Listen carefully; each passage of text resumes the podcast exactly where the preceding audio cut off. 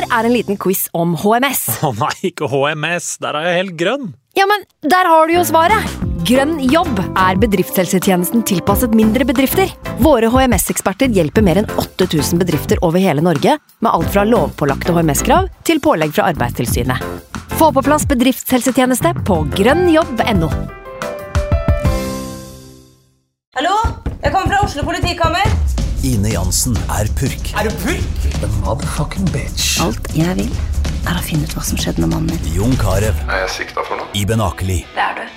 Ole So, Lars Berrum og Big Daddy Karsten. Hvem sin side er du på, egentlig? Anette Hoff, Tone Danielsen, Kommer du fra Afrika? Jørnis Josef, Nesten. Kløfta. Trond Espen Seim, Det er synd å si det, men det var feil mann som døde. Purk. Premiere tirsdag på TV2 Play.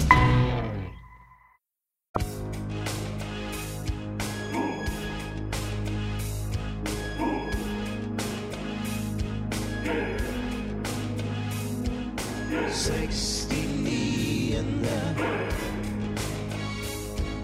60 million. 60 million.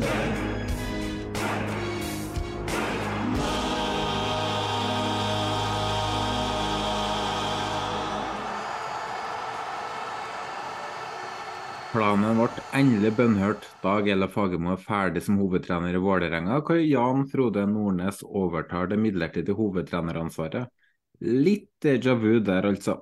Vi skal snakke mer om trenersparkinga litt ut i dagens episode. Vi skal også som vanlig innom runden som har vært. Pellegrino som ble utelatt fra landslagstroppen. Pride som har meldt sin ankomst. Og vi har fått med oss en supporter fra Sandefjord. Det her er bare noe av det vi har i dagens episode. Men først, Frank. Velkommen. Jo, takk, takk. Snorre, ikke Nei, jeg hørte rykter om at han hadde en ganske heftig helg, så nå blir han straffa med å måtte legge ungen, og ungen er ikke samarbeidsvillig, er det ikke så? Jo, det var noe sånt. Det var jo Mm. sist, sist episode, så fikk jeg spørsmål kvarter for innspilling. Ja, kan du ta, være programleder, jeg er ikke klar. Ja Jeg må vel unns- unnskylde han bitte litt i forhold til det masterstresset, men, eh, men ja. Det, Det trenger ikke unnskylde eh, noen ting. Her skulle det egentlig vært en sekvens hvor Jonas og Frank gjør narr av min medisinske tilstand. Men eh, fordi det er jeg som redigerer, så vil jeg heller benytte anledningen til å fortelle at Jonas misliker ikke Molde så mye som han faktisk gir uttrykk for. Og det samme gjelder vel egentlig Frank og Tromsø. Så da har dere lært det, kjære lytter. Og Jonas og Frank, her bestemmer jeg. Men eh, åssen uh, Hva har du gjort siden sist? nei, gjort er gjort. Det var jo ikke så spennende uke. Lørdag så, så man jo Champions League-finalen i lag med en gjeng kompiser og stakk ut på byen. Og så søndagen var det å reparere og komme seg i form før eh, kamp. Ellers så kommer jeg egentlig rett fra kamp sjøl i dag. Jeg kjenner jeg er stiv og støl og sliten og tappa for energi, men eh, allikevel klarte å spille en episode. Skåra forresten mål og hadde assist i dag, selv om at vi gikk på et surt 4-3-tap. Ja, Så det er noe å ta med seg, i hvert fall. jo da, det var noe å bygge på. Men vi fikk jo dessverre rødt kort på stillinga 2-1 eh, 25 minutter før slutt. så det var, Og så på det påfølgende frisparket så skåra de 3-1. Så vi hadde litt grann sluttspurt i oss, men det holdt dessverre ikke helt inn. Ja. Men eh, hva tror du Snorre har gjort, da? Vi må jo snakke for han, ja, siden han ikke er her.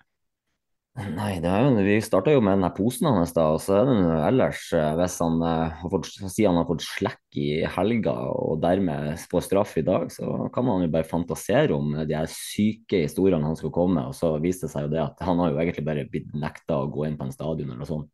Det er jo det sykeste han kommer på. Ja, det, det er sant. det. Uh, nei, for jeg tar meg sjøl, så siden sist så har vært ordentlig på stålet, da. Eh, dagene mine har starta halv syv, så jeg har vært hjemme klokka ti eller elleve på kvelden. Det har gått rett fra jobb til trening til kamp eller ny trening, og så har jeg trent sjøl. Og, og det har vært mye overtid på jobb, og det har vært eh, det har vært et helvete, rett og slett. Så jeg merka det på lørdag, når jeg hadde fri fra jobb, at eh, eh, nå må jeg begynne å roe ned litt. Men jeg fikk en fin avslutning på søndag da, når vi gjorde som eh, Haugesund ikke klarte. Vi, vi slo Brattvåg, så, så det var noe deilig. Men uh, merka det på søndag også så at nå, eh, nå, eh, nå må jeg begynne å roe ned litt, for nå begynner kroppen å eh, merke det, eh, og huet. Eh, så det er en liten advarsel. Men heldigvis har jeg gode forsikringer i Water Circles, da. Så Selvfølgelig kom det med reklamen der, ja. Ja, selvfølgelig. Jeg må inn. Så trenger du forsikringa, så ring 9347 20 62 og si kodeåret 69 du også. Og, um, ja, hvis du er nysgjerrig, ring og hør hvilket tilbud du kan få, så kan det hende at du får like billige forsikringer som det jeg har. Men i dag så har vi med oss en gjest, og det er en supporter fra Sandefjord, eller bosatt i Andebu. Kjetil Bakke, um, som ble kåra til årets supporter i 2022. Uh, så velkommen uh, til deg. Takk for det. Hvordan var det å bli kåra til årets supporter 2022? Nei, det var jo artig det, da. Det var jo det gjaldt jo for den, egentlig den første fulle sesongen min som, som supporter, så det, det, gikk fort opp i, opp i toppen. Hva som gjør at det er den første sesongen som supporter, da? Har du ikke vært interessert før? Jo, altså meg og SF det er en litt sånn spesiell ting. For det, jeg, den første SF-kampen jeg kan huske, det var den kvaliken mot Vålerenga for 20 år siden. Og ja, kampen i Valland husker jo alle sikkert. Det er vel ikke alle som husker den første kampen som heter 0-0, som jeg har på VHS hjemme, hvis noen vil ha den.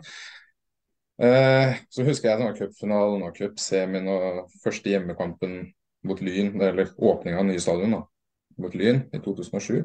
Så ble det egentlig veldig mye engelsk fotball og, og sånne ting. Og så mista jo TV 2 norsk fotball. Så ble det litt sånn til at det ikke hadde den nye pakka og sånn. da. Så ble jeg egentlig litt lei av fotball etter hvert. Så veldig lite av all fotball, egentlig.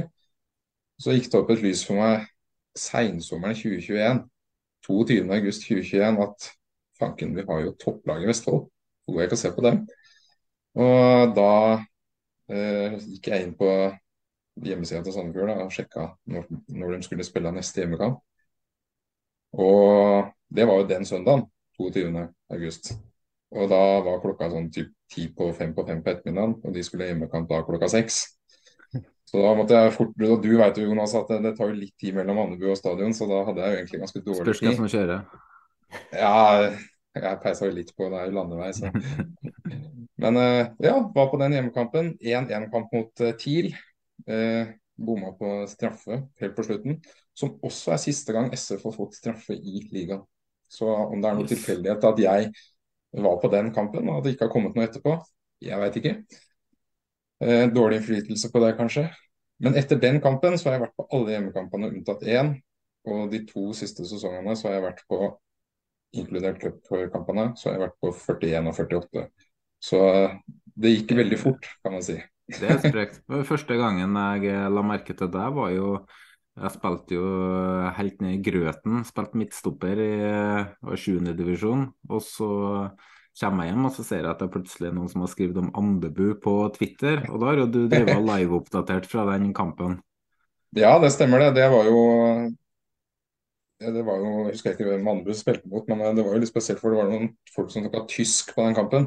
Det var litt morsomt. Da var det du som oppklarte etterpå at det, hvorfor den, det var noen tyske folk der. da. Så da begynte du å følge meg, og jeg følge deg. Så det er ganske tilfeldig, det òg. ja, ikke sant. Men uh, hvem er du for noen, egentlig? da? Sånn, uh, Bortsett fra å være en uh, ivrig Sandefjord-supporter? Nei, hva skal jeg si til det? Ja. Nå, jeg bor i Andebu, da, så nei, jeg, jeg, er veldig mye nede på feltet og kikker på dem og sånn, så det blir mye fotball om dagene. For jeg har ikke jobb nå, så da kikker jeg etter det. Så da har jeg den tida. Så nei, det blir veldig mye fotball, egentlig. Det er stort sett det, det, det jeg holder på med nå. Hvordan vil du beskrive deg sjøl som en supporter, da? Eh, nå er jeg jo aktiv syngende supporter, da. Og så er jeg jo Begynte jeg i 2021 med en gang, eller har det kommet Nei, det begynte sist sesong. For I 2021 så satt jeg egentlig på diagonalt motsatt langside av Blåhvalene. Og så var det en preseason-kamp, den siste preseason-kampen mot Odd før sist sesong, hvor en av de gutta kom bort til meg. 'Hvor sitter du hen?' 'Nei, jeg sitter der borte.' kom over til oss.' Ja, ok, Så kjøpte jeg sesongkort bort fra blå sone, da. Og så har jeg blitt på blå sone. Ja. Og nå synger jeg og blusser litt og sånn, så Det er nydelig. Men hvordan, det er nydelig. hvordan har eh, altså, Supportermiljøet i Sandefjord har jo blitt kritisert i eh, så lenge jeg kan huske, egentlig. Men jeg syns det tok seg veldig opp i fjor. Og så var jeg på kvalikkampen mot, eh, mot Kongsvinger, og da var det jo ordentlig trøkk. Hvordan vil du beskrive supportermiljøet i Sandefjord, og har du merka noe til den eh, oppgangen? Ja, altså jeg har jo ikke vært med så lenge, så det er sånn lenger tilbake i tid er litt vanskelig for meg å si. Annet enn det jeg har blitt fortalt sjøl, da. At det ikke har vært så lett å følge med Sandefjord for noen år siden. Med ganske, Klubbledelsen var vel ikke veldig god kompis.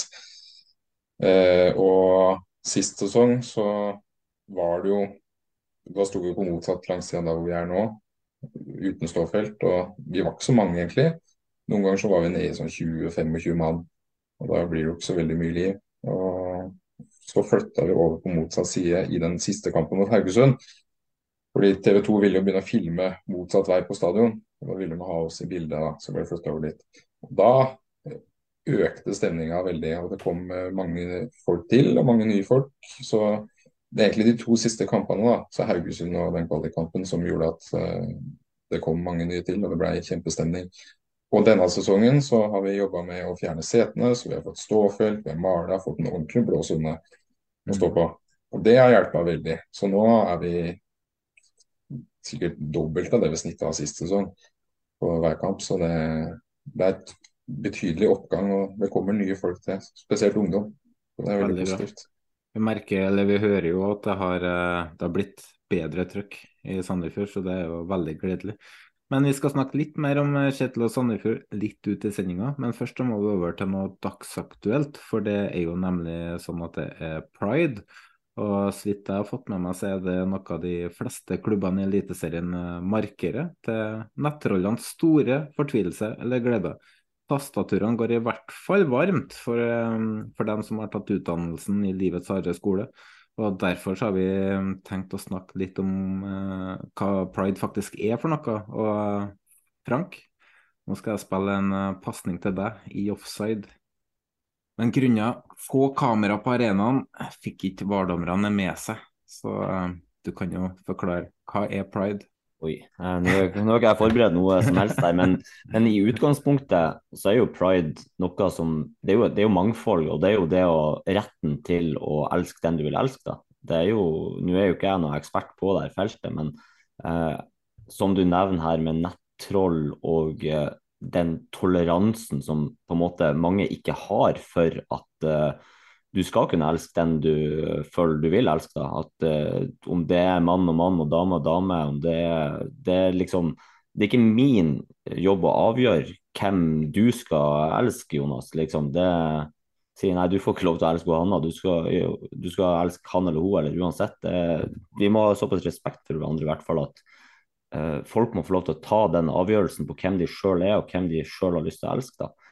Uh, det å se kommentarfelt fra uh, egentlig en god del litt eldre mennesker, da, der de lirer av seg uh, mannskit og helvete, det jeg, jeg, styrer egentlig unna det der, for jeg, jeg gidder ikke å være den der som tar den kampen uh, i kommentarfeltene på Facebook. men jeg, jeg blir bare oppgitt, rett og slett. Jeg klarte ikke å holde meg unna et par kommentarer på på en eh, status jeg skal litt innom eh, senere her. Eh, da kjeder jeg meg litt, da. Men det var litt gøy å svare noen av de. Det var det.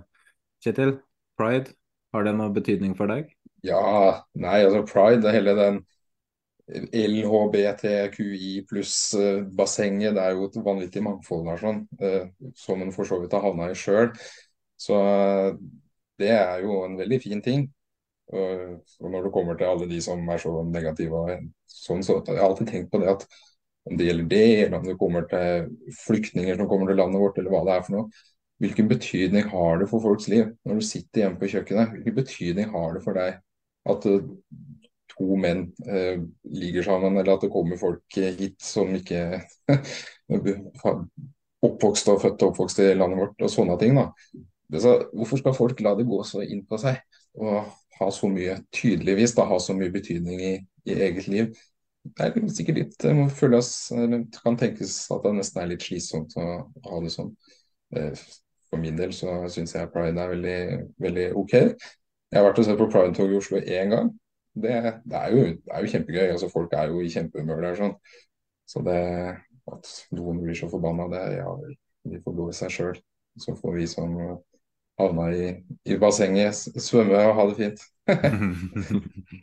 um, jeg har søkt opp Pride for å få en uh, ja, litt mer uh, direkte uh, oversetting på hva det faktisk betyr. Da. Og, pride er jo engelsk begrep som betyr stolthet.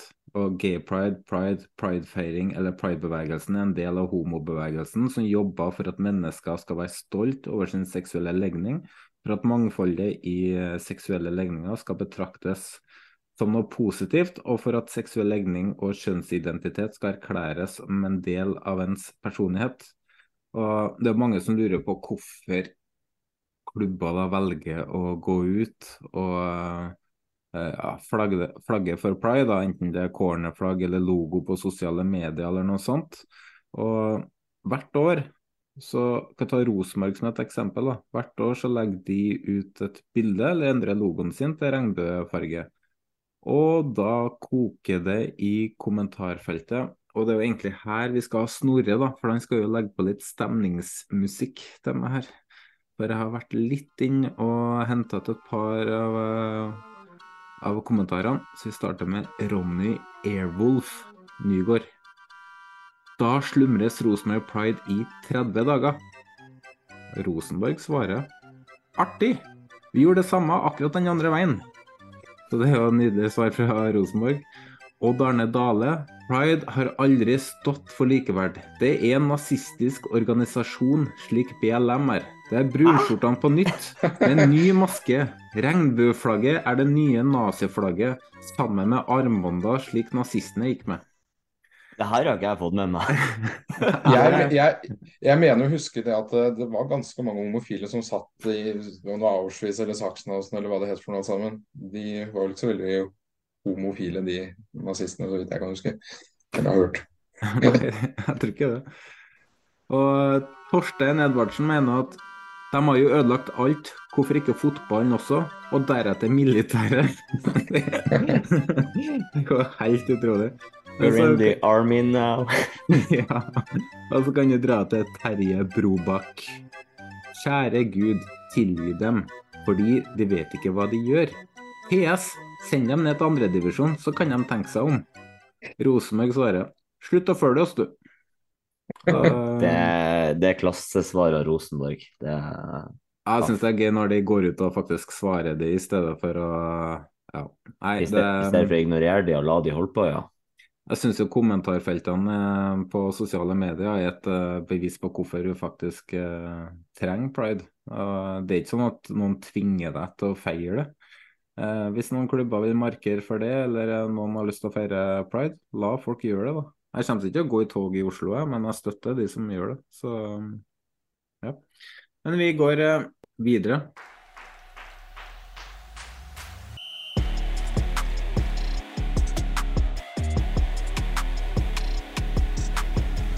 For uh, vi skulle egentlig nå snakke om uh, medlemsmøtet som ble holdt, i, uh, holdt tidligere i dag, hvor Fagermo fikk sparken.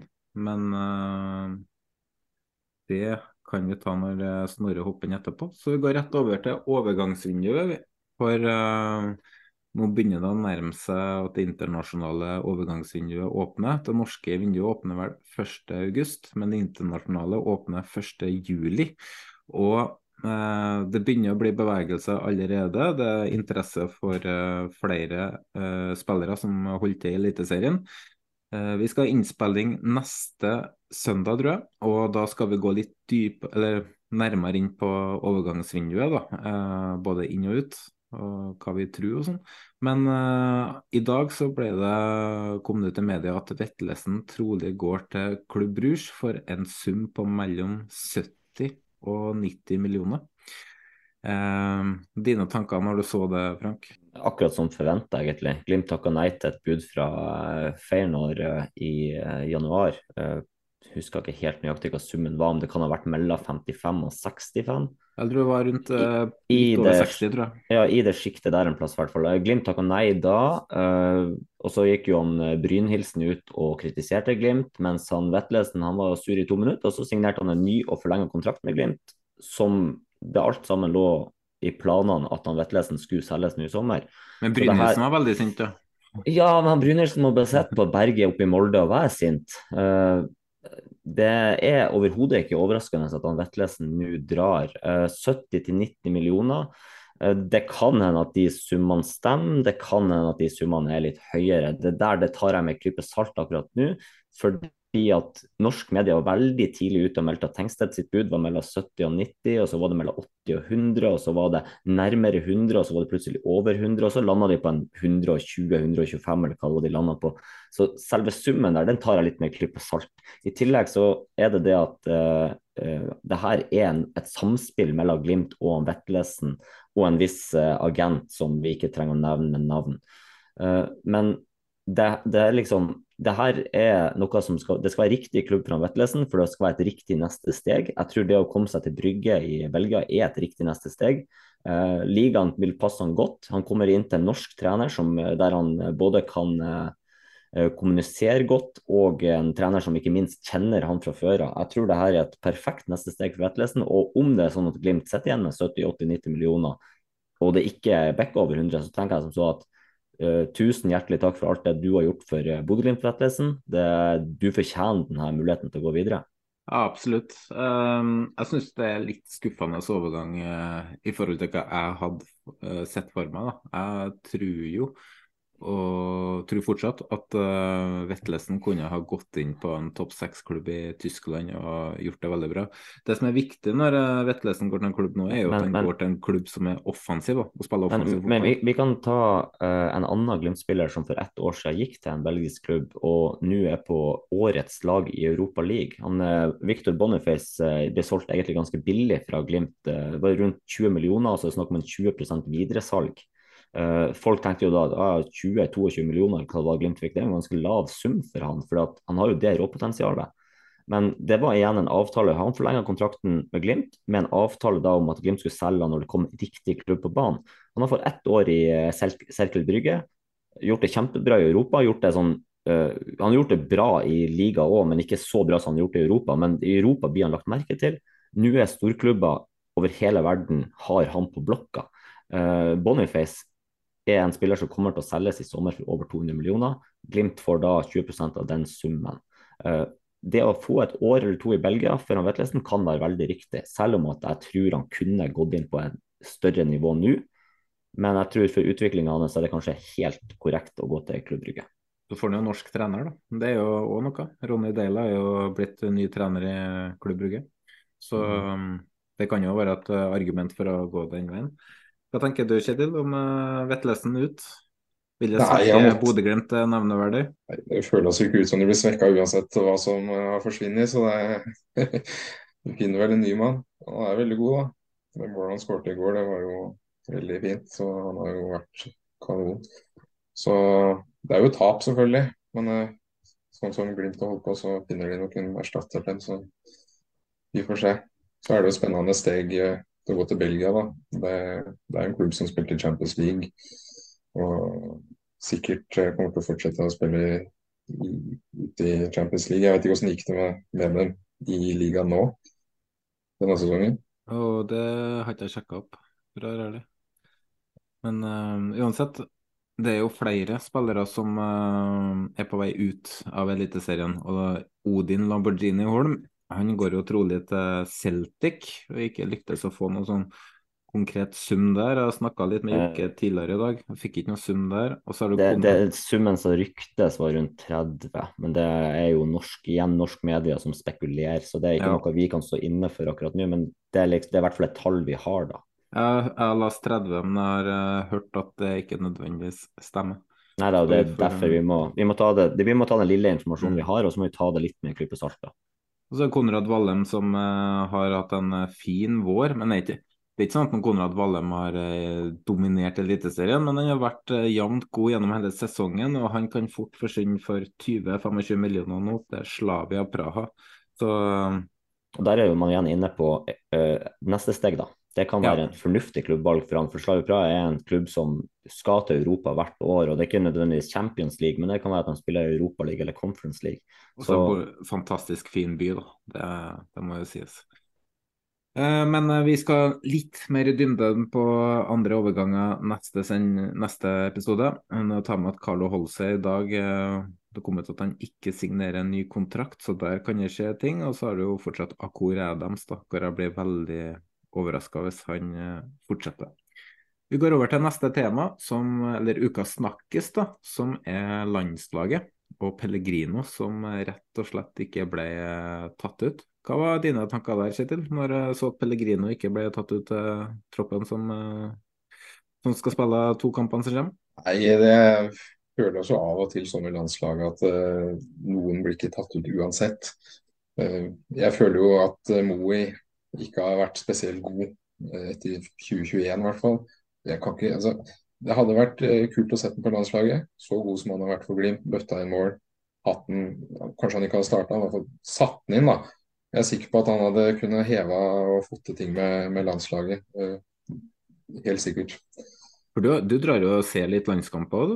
Ikke? Ja, jeg var på alle på Ullevål sist sesong, og så skal jeg på Skottland nå. Så det, det gleder jeg meg til. Mm. Frank, jeg og du diskuterte jo en eh, del om Pelle som ikke ble tatt ut. Ja, Eh, Så var vi uenige, og så ble vi enige. Ja, det var egentlig du som fikk ombestemt meg, for at jeg var litt sånn ja, kanskje greit. Eh, Glimt har med han eh, Wembangomo, som jeg syns er veldig gøy at eh, får sitt første uttak. Og så har de med han Vetlesen og han Patrick Berg, og jeg tenker sånn, ja ja, det er, det er kanskje riktig. Eh, Pellegrino, eh, hva tilføyer han det norske landslaget når det norske landslaget ikke kan å bruke vingspillere? Eh, men det som sagt, du, du overbeviste meg i forhold til det at eh, For det blir jo Moi som blir å starte, men du overbeviste meg om det at å kunne sette inn på en Pellegrino fremfor det å kunne sette inn på en Mats eller Møller Dæhlie. Pellegrino har en X-faktor en fot, kan være skapende hvis Norge står og trykker og trenger et mål. Det, det å ha de kvalitetene i troppen, i hvert fall, ville ikke vært feil.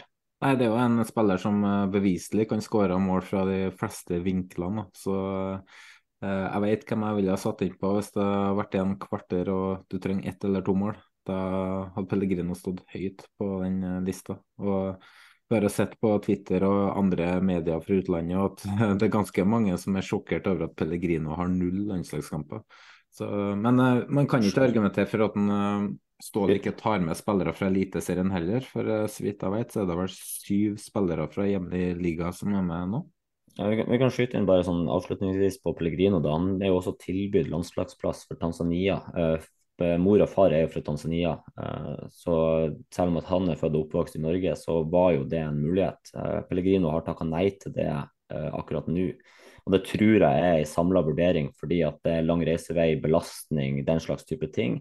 Eh, samtidig som Pellegrino har en kropp som ikke alltid er på lag eh, med et tett kampprogram. da. Så jeg tror det er en helhetsvurdering som gjør det at han eh, har takka nei til det tilbudet. Og så tror jeg kanskje at han vil jo ha mulighetene åpne for Norge hvis det Jo da, det, og det er jo mm, sånn som Jeg, jeg mente på at det kanskje var han eh, Jonny Normann Olsen og de her våre beste menn som nevnte at det kommer et uttak eh, på, i august eller noe, der de så for seg at han kunne være tatt ut. Ja, de, skal spille mot eh, Jordan, tror jeg. Hvor det Ja, mest sannsynlig blir med mange hjemlige spillere. Så Jeg, men, mener på det var i den podkasten jeg hørte at de nevnte han. Eh, Det kan hende at jeg blanda med noen her nå, men Men Bård Finne fikk eh, plass, det syns jeg er veldig gøy. Så eh, skal vi snakke litt mer om landslaget. Eh, Vi skal vel innspilling rett etter landskamp på søndag, så um, får vi håpe at det blir etter en trepoenger. Vi skal videre, og vi skal snakke om Eller jeg skal egentlig bare oppsummere cupen som ble spilt. For Brann slo ut Ålesund på straffa. Det meste jeg fikk med meg fra den kampen, var at det var keepere som tråkka over streken uten at uh, linjemann eh, tok tak. Um, Haugesund tok ledelsen etter straffeskåring av Sorry Diara mot nevnte Brattvåg. Men Sissoko på Brattvåg satte inn to mål på seks minutter, og Haugesund røyk ut. Tromsø måtte også slite og slo Alta kun 1-0. Sarpsborg 08 slo ut Odd, og Godset hadde en Se, se smilet til Kjetil når han hører Odd gikk ut. og Godset hadde en sterk 4-1-seier borte mot Vard Haugesund. Ellers måtte Kamma ut til ekstraomganger. Molde klarte bare 1-0 borte mot KBK. Og Viking eh, berga seg akkurat med 2-1 etter straffeskåring av Tripic på overtid. Men vi må videre og til den runden som akkurat ble spilt, og da kan vi jo like så greit starte med FK Haugesund mot Sandefjord. Kjetil, du, eh, du kan starte med kampen, bortekampen som ble spilt uh, før. Hvor det endte opp i Trondheim. Ja, annen pinse, da, hvor jeg skulle til Molde, ja. Mm. Ja da. Var, det var veldig nært å komme til Molde, da. du skulle til Molde, men endte opp i eh, Endte opp på Værnes, ja. Det, det, var oppgradering, vil jeg si. Ja, jeg vil jo si det. Jeg tror den ble veldig fin, den også. Når vi først tapte 5-0, så jeg satt på Three Lines og spiste pizza og hadde eget hjørne med TV, jeg. Så jeg var egentlig fornøyd med at jeg ikke var på stadion når det gikk så dårlig. Så du fikk jo lyst til å flytte til Trondheim òg, sa du? Ja, det var ikke helt det jeg sa, men hvis jeg skulle flytta til en by, så hadde jeg definitivt vurdert, uh, vurdert den. Ja. Jeg syns det er fint. Da hadde ikke vurdert Trondheim er en fin by. ja, eh, over til kampen. da. Så eh, Du var jo der. Hvordan var opplevelsen? Ja, i Haugesund kjørte jo over da, eh, over fjellet. Så var vi, hadde jeg med to mann i bilen, så da var det litt selskap og sånn. Og jeg, må jo si da, altså, jeg hadde gleda meg til å se den nye matta til Haugesund. Og fy faen, den var jævlig fin. Altså. Det var fantastisk underlag. Nesten så jeg kunne tenkt meg hatt den i stua hjemme. vet du. Det var skikkelig fin. så de gjør noe riktig på Haugalandet? Ja. og så, Jeg så ikke en eneste måke, så det, jeg vet ikke hva som har skjedd i Haugesund. Men eh, kampen, den var jo Ja, hva skal man si? Det var vel eh, 10-12 minutter, så var det 2-0. Og det, altså, Haugesund løpte gjennom oss eh, hele tida. Uh, jeg vet ikke om det var Haugesund som var gode, eller vi som uh, gjorde dem gode. Men eh, altså, det sjølmålet til Toje, det er jo Jeg har sett det igjen. og det, Hver gang jeg ser det Det, altså, det er jo ikke en målsjanse engang. Han kan bare slippe ballen forbi. så er det helt ja, Diarra hadde jo gitt opp. Han ga det ikke å springe inn ja. i boksen engang. Det, det, er jo, det, det, er jo, det er jo en sikring som bare kobla ut i det øyeblikket han sparka barnet eget mål der. Men det var, var 2-0-skåringa. Jeg har lyst til å ta 1-0-skåringa, for eh, de som kanskje ikke har så mye greie på keepere, legger jo ikke merke til det. Men det Keto holder på med der, det er så dårlig keeperspill, da, fordi eh, var Enjoy som eh, kommer med, med Er det Mon Hansen Nei, Mon Foss i ryggen. Eh, og Keto kommer ut på halvdistanse og står på 16 meter. Hadde han holdt seg inn i målet, så ville ballfører ha blitt leda ut, og Toje ville kommet inn som sikring. Det er jeg ganske sikker på. Så pga. at Keto kommer ut på 16 meter, så gir jo han Enjoy muligheten til å bare avslutte. Så det er jo fryktelig svak eh, keeperspill, elendig vurdering. Så det er jo egentlig to personlige feil som gjør at Haugesund får 1 og 2-0 så tidlig. Ja, det var stygt det første målet. Altså det, det, er jo vanvittig unødvendig. Da. Så kommer jo det siste målet deres eh, var vel etter 20. Og da tenker du at ja, ja, det var de seks timene i bil, og nå er kampen avgjort. Men så hadde Sandefjord én kjempekjanse med Danilo Alced som uh, kom ganske aleine, faktisk. Så det kunne ha blitt mål. Og så hadde Haugesund to kjempekjanser før pause. Da var Keto god. Tok eh, begge med beina. Så er det pause, da. Tenker jo det at eh, det jeg vil se nå, er jo at de hever seg. At de kommer ut som et annet lag. Og der hvor Haugesund dominerte første omgang, så dominerte definitivt SF annen omgang. For det, det var jo nesten spill mot ett mål. Og målet kom jo etter ja, ni minutter, tenker jeg, av annen omgang. Da er det jo lenge igjen. og Så er det jo sjanser, da. SF har ballen. Har slitt fælt med å spille mot etablert, så Haugesund kan jo egentlig ligge etablert og kose seg. Men eh, nå fikk jo SF det til og skapte en sjanse som ble annullert. Eh, hadde en ball i stanga. Hadde en annen kjempesjanse som Selvik tok. Det var noen skudd som gikk like på utsida. Og så kommer målet på overtid. Og da er det for lite tid igjen, da. Men det er jo litt sånn ambivalent kamp. For det, første gangen er jo så dårlig, og så er jo annen gangen egentlig veldig god. Og da burde jo egentlig SV få tatt med seg poeng. Eh, faktisk for det jeg så på XG, og det er jo noe av det høyeste XG-en jeg har sett SF har hatt. så det jeg, jeg tenkte å ta litt om den statistikken, for Sandefjord vinner jo alle statistikker, bl.a. skudd 11-23 og XG 1-86-301. Men det er jo gjerne Mm. sånn det blir da når et lag leder 3-0 og kan på en måte slakke litt av og legge seg litt bakpå, så vil jo motstanderlaget få ball og kanskje komme til en del målsjanser. Så det er ikke sikkert at eh, hvis man bare ser statistikken, så kan man jo si at det er ufortjent. Men jeg tror ikke at statistikken nødvendigvis ville vært så at det ville vært så stor forskjell hvis det hadde vært eh, 0-0, da, f.eks. Men uh, Nei, det er jo sant. Jeg er egentlig ikke så opptatt av XG og sånn, jeg bare så den var så høy, så jeg måtte bare si det. Men uh, det er klart, altså Haugesund kunne ha skåret uh, ett eller to mål til i, nei, i første omgang, de, altså. Så, mm. men eh, jeg er veldig glad på, på måten Sandefjord kom ut etter pause, da. For det var jo et helt annet lag.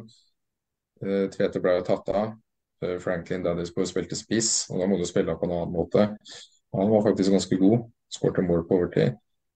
Og som jeg sa, da, SF har slitt hele sesongen, inkludert vinteren, med å spille mot etablert.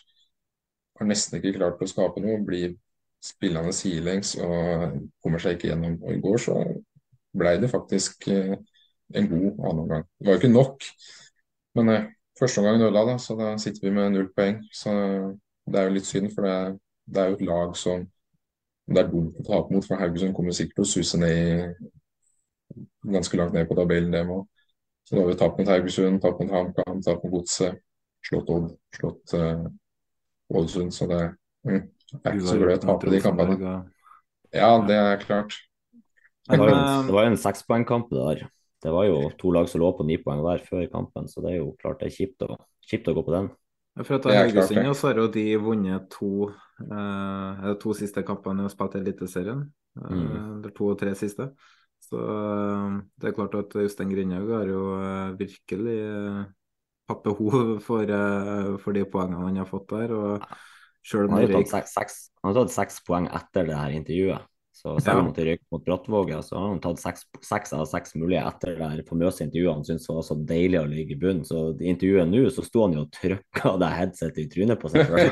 Jeg så det. Vi får se da om det her eh, kan inspirere videre i, eh, i Haugesund. Så det er ikke topplag de har spilt mot heller, men eh, det kan jo være en start, da. Så får vi se. For de har jo ikke sett bra ut. og for å gjenta oss sjøl, så har jo vi tippa at Haugesund ville få en tøff start, og så ville de løfte seg utover sesongen pga. de har et ganske ungt lag. Men det er lite som tyder på i spillet da, og forsvarsspillet at de skal bli hevd seg så mye som i hvert fall jeg har spådd. Men vi kan jo gå litt mer inne på Sandefjord, da. For um, hva var egentlig forventningene du hadde til Sandefjord før eh, sesongen, Kjetil? Eh, Jeg hadde egentlig en forventning, eller min forventning og håp er at vi egentlig skal holde plassen. For jeg vet jo at eh, vi har mista de vi mista sist sesong, og fått inn folk som har spilt litt på ja, nivå to og faktisk under det òg. Så det så holder vi plassen, så er jeg fornøyd med det. Og nå ligger vi på kvalik, og det er jo kanskje en naturlig plass vi skal ligge på sånn med spillerstall, budsjett og, og sånne ting. da. Så det, det Paul, ja. Paul vel kvalik eh, du og Snorre spådde dem på, Jonas, mens jeg spådde dem på 15.-plass. Ja, det kan eh, godt stemme. Jeg tror det var sånn dere trodde de tar kvaliken, mens jeg tror de går rett ned. Men jeg øh, var inne på det med Bernt Hulske sist, at uh, Sandefjord er sånn enten-eller. Men hvis det er enten-eller resten av sesongen, så overlever det jo. For toppnivået deres er jo ganske høyt, da. Og det er jo mye høyere toppnivå enn både Ålesund og, og Haugesund og HamKam. Så jeg syns jo Sandefjord øh, nok en gang da, har, øh, har imponert øh, har imponert eh, sesongen her, men så har de et eh, de, de er kanskje litt avhengig av å møte en viss type motstand da, for å være god. De vil jo helst møte lag som de kan presse høyt eh, og få eh, ballgjenvinning høyt til banen på, lag de kan kontre på. Og så er de, som du sier, ikke like glad i å møte eh, lag som eh, legger seg bakpå og må spille mot etablert. Men eh, det er jo forbedringspotensial. Ja, det har jo vært Kampene denne sesongen har jo det er jo godt nivå, sånn som mot Odd sist helg, da. Og Odd i cupen nå, for så vidt. Det er jo, de er jo veldig gode. Gode mot Ålesund, gode i annen omgangen sist.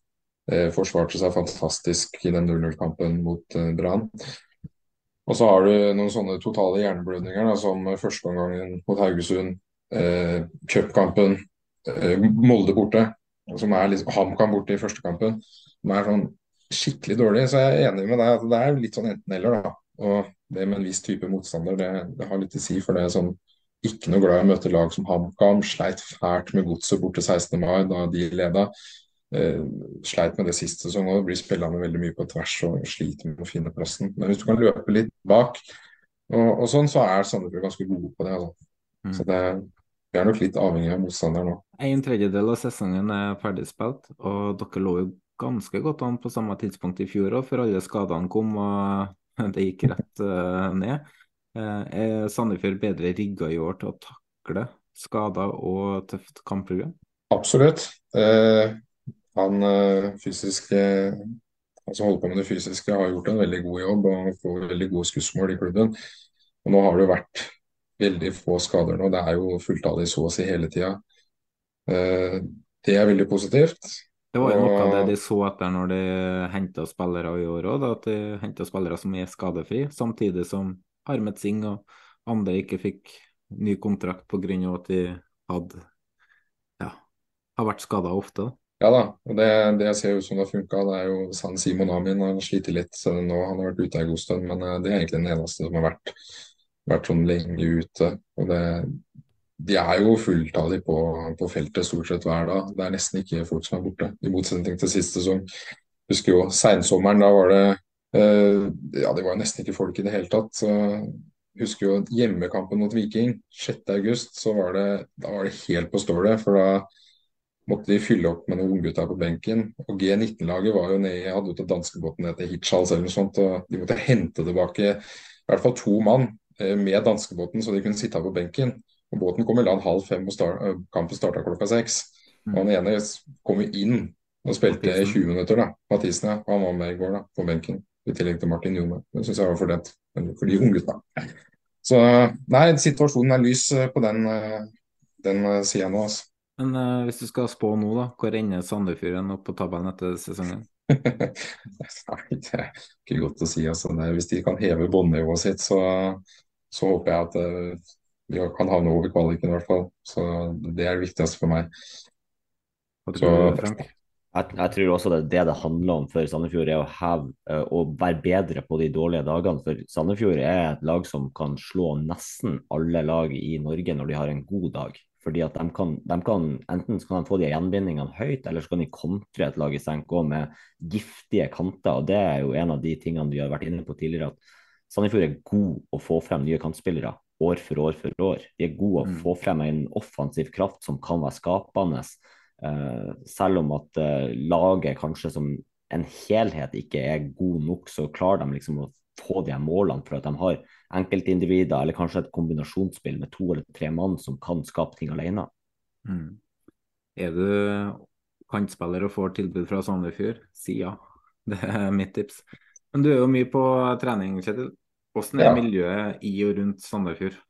Nei, jeg føler det er godt. Det var jo veldig godt denne uka, Si meg at de slo Odd. Men jeg føler jo sånn i det hele tatt at det har vært god stemning.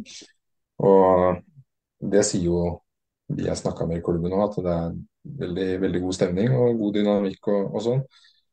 Og så har vel noen av de som var der sist sesong, som ikke er der nå, eh, at noen av dem har gått ut, har nok ikke gjort noe på miljøet, for å si det sånn. Så eh, det er, det er mye positivt. Det er det. Vi går eh, videre fra Sandefjord, så er det en ting vi må diskutere. Vi skal litt innom, vi skal litt innom Odd eh, mot Molde, men først Berisha. Kan man eh, allerede nå begynne å konkludere med at det er tidenes flopp, Frank? Det er 116 spillere i årets eliteserie som skårer mer mål enn Berisha til nå i år. Molde har spilt 11 kamper. Berisha har null mål. Det, han har vel en assist, og så har han skåret ett mål på straffe i cupen. To, to eh, Dæven, hva du gliser nå. ja, det er, Nei, det er Berisha 40 millioner, den prislappen han kommer for. så forventer man så enormt mye mer. Og så er det jo, som vi snakka litt om Bernt Hulsker om det, du får andre ting med han Berisha. Du får en, en arbeidshest som sprengte blodspruten står fra kjeften nesten. Han, han, han blør jo virkelig innsats, men jeg, jeg forventer målpoeng fra en spiss som hentes til 40 millioner. Mm. Uh, hva tenker du, Kjetil? Berisha?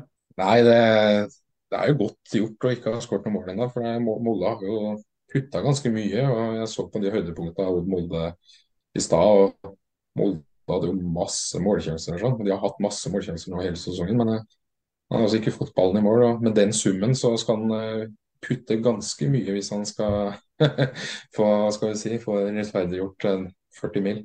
Det er, det er faktisk ja, ett lag i Eliteserien som har skåra mer mål enn Molde i år. Molde er nest mestskårende laget i år.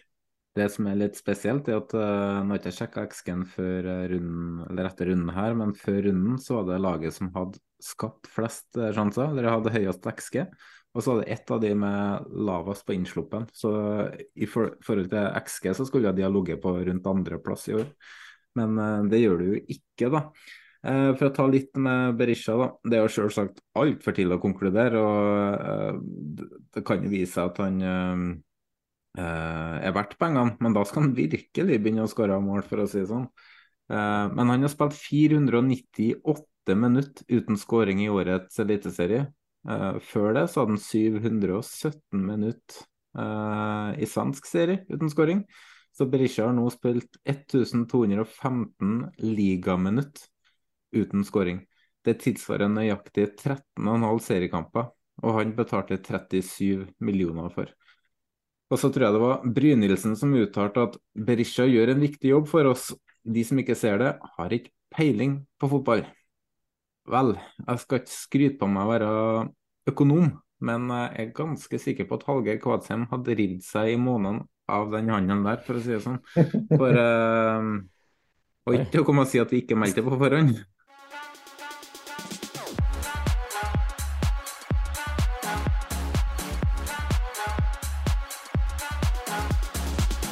Vi ser hvem som er på vei inn i samtalen her. Oi, oi, oi. Der er Snorre. Nå har han fått ordna lekkasjen på posen og er klar til å være med oss. Å, kutt ut da, Jonas. Kutt ut. Det der begynner å bli så gammelt. Det, du, har, du, har, ikke gjort det lenge engang, og du begynner å bli skikkelig gammelt. Du trenger ikke være sur, da. Nei, nei, nei, ikke sur i det hele tatt. Men uh, dere hører meg bra. Det er det viktigste. Ja da, du, du er fin. Crisp og fin. Nydelig. Hallo, Kjetil. Hallo. hei, hei. Nei. Nei, ikke la meg komme og forstyrre agendaen. Bare kjør på videre, så. Ja, vi kan egentlig hoppe videre til kampen som ble spilt, da. Eh, mellom eh, Odd og, um, og um, Molde. Eh, for eh, det er jo egentlig en kamp som burde endt med borteseier. Balllinja 44-56 og XG 0,6 mot 2,17. Og jeg regner med dere så jo målsjansen til Breivik som satt ned i undersida av tverrligger i bakken. Totalt skudd 6-16, men i skudd på mål bare 4-2. Og så er det Midtskogen som ender opp som matchvinner med sitt første mål i Eliteserien i det 78. minutt. Og um, det var litt fint å se det intervjuet med han etter kampen om Kan jeg vise hvor mye det betyr for han?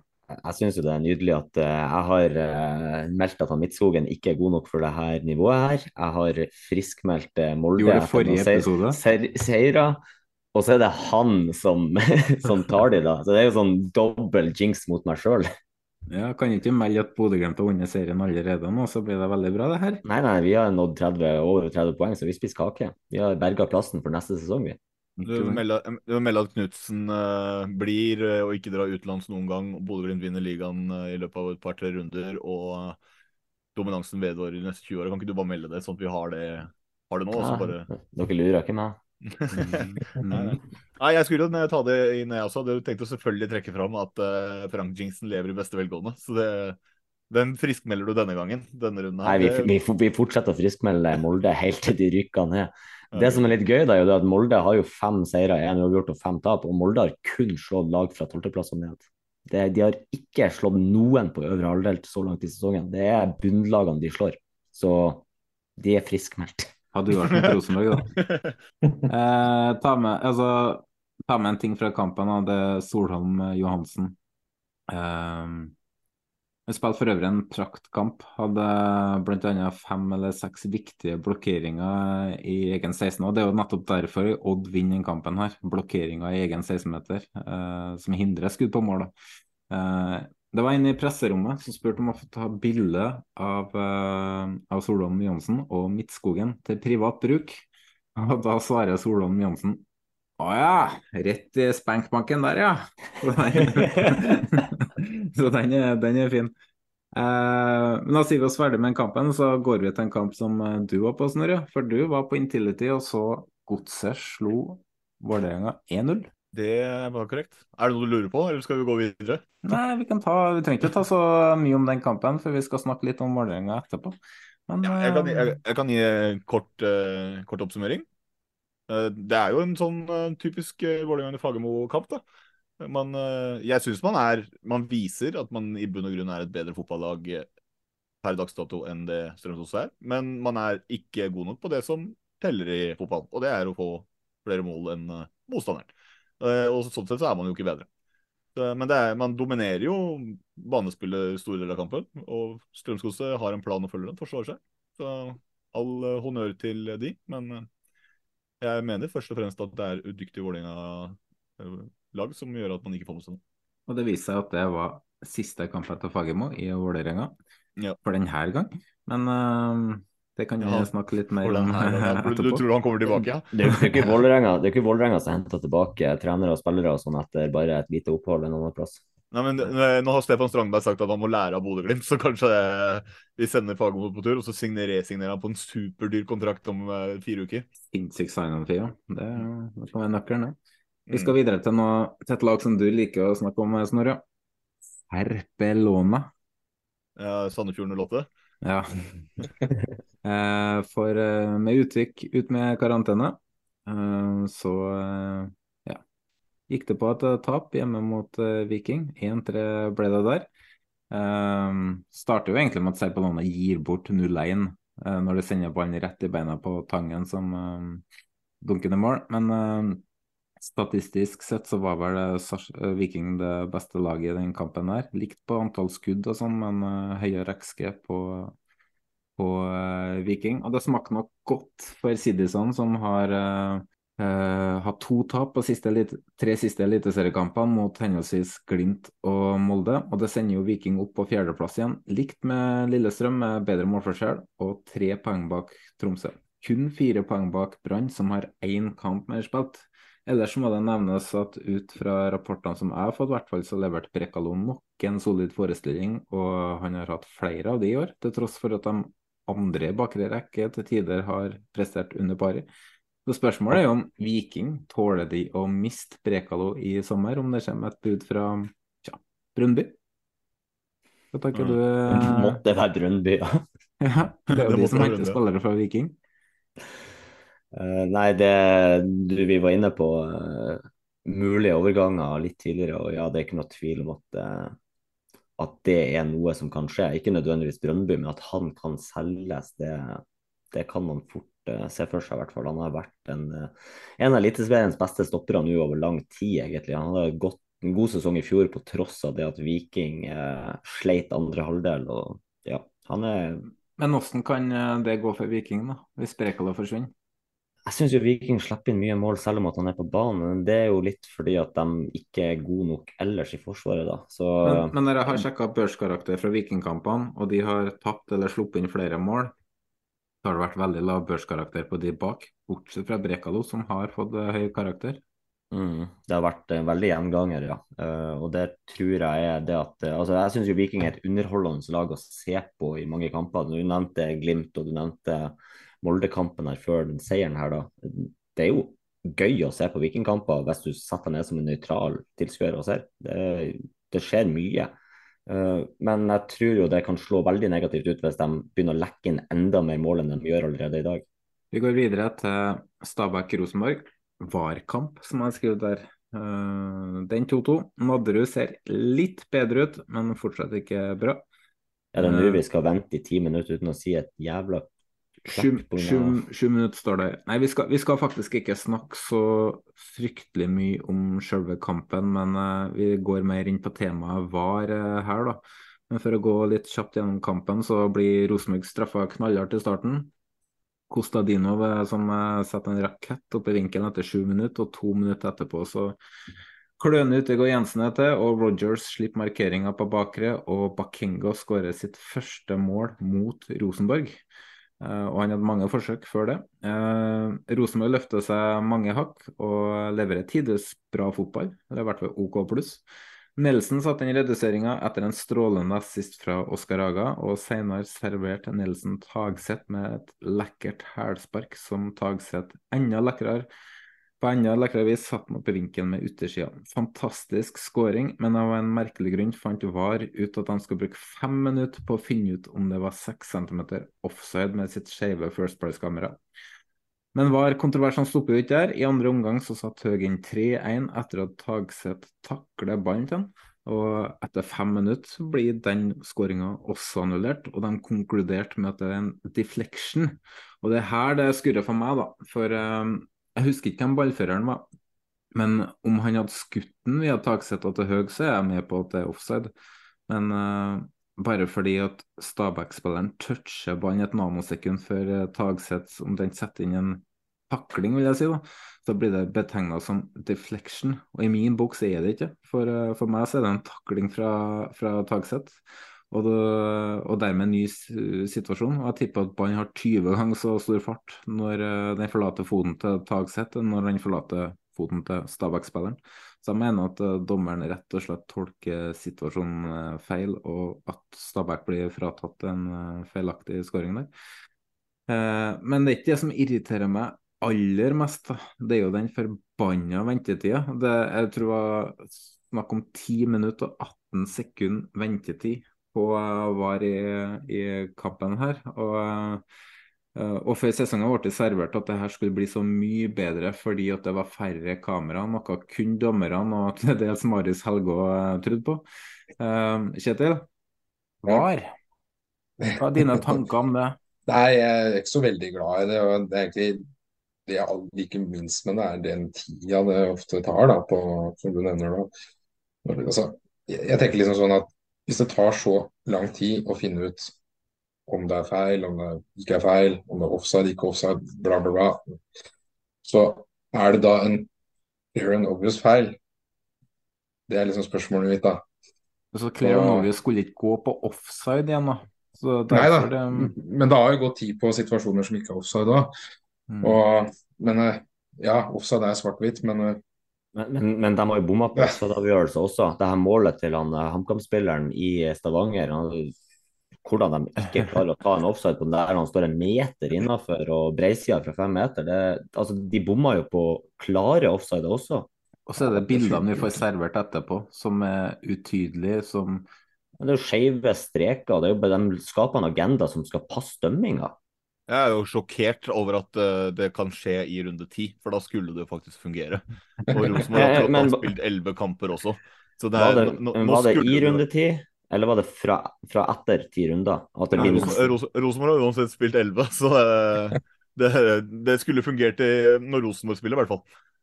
Nei, altså, Men fra spøk til alvor, da. Det, det, er jo ingenting som tyder på at det i hvert fall har at det er noe enklere å forholde seg til VAR eh, etter nå ti runder. Eh, så har de jo nå sikkert eh, tenkt å evaluere seg selv i denne landslagspausen og, og sånn, men eh, altså det, det, er litt det her man har snakka om på forhånd. Så hvor mye skal vi gidde å bruke tid på å si det igjen, liksom? At eh, det er ventetid, det er mangel på bilder når du er på stadion for at du ikke skal liksom få følge med på det osv. Så, videre. så Gjør det, gjør det fotball bedre? Jeg mener nei, noen mener ja, og de som mener ja, tar feil. Men, nei, men, altså, men gjør, jeg tror ikke det gjør Eliteserien egentlig noen tjeneste. I hvert fall ikke sånn som det fungerer nå.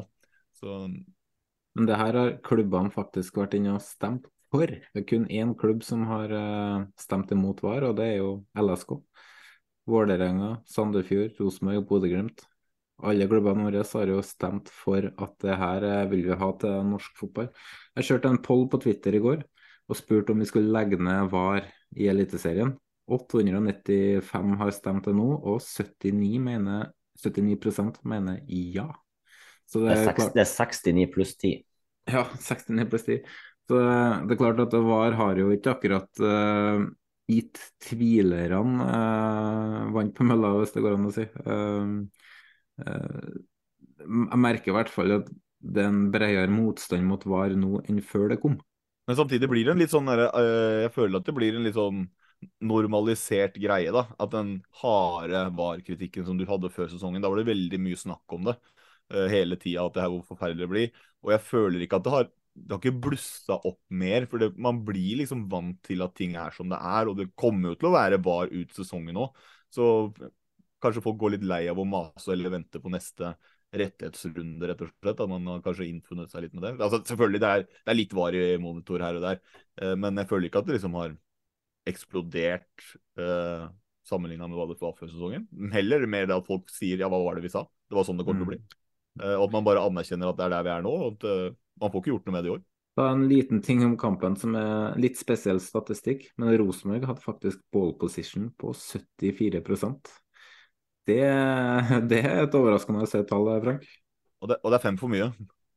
ja, det, det, er jo nesten like høyt som ball position til Glimt mot HamKam. Det, altså, det sier jo bare litt om at det er et styrende lag utpå der, da. Men uh, Stabæk har jo sin Rosenborg, da. Det er jo ikke akkurat vært kjent for å ha Nei, men Stabæk har, Stabæk har, sin måte å spille fotball på. Det er gjerne lange baller og sterke, store, sterke Kasper Høeg som skal ta ned og uh, sky ut til en uh, wingback eller en bakenga eller uansett hva som kommer etter. Så det, det blir ikke så mange minutter med ballspill på Stabæk, mens de lar motstanderen ligge og trille og forsvare seg med elleve mann. Mm. Vi går videre, vi, til Ålesund. Nei, nei, nei, nei, nei, nei, vi må spørre Frank om Rosenborg er friskmeldt. Nei, nei, vi går videre. Vi det går videre. To-to, men eh, ja. Eh, vi får vel heller følge situasjonen i Rosenborg tett. For nå fikk vi jo ei trenersparking i dag, og det er jo ja. Det kan jeg faktisk uh, si. Jeg fikk en melding i dag om at uh, det skal evalueres uh, på styrerommet, og da trener av trenerne eh, uka her, så det vil nok ikke bety at han får sparken nå. Um, og hvis han ikke har fått sparken i dag, så ser ikke jeg grunn til det heller, for timinga er jo der nå i forhold til landslagspausen.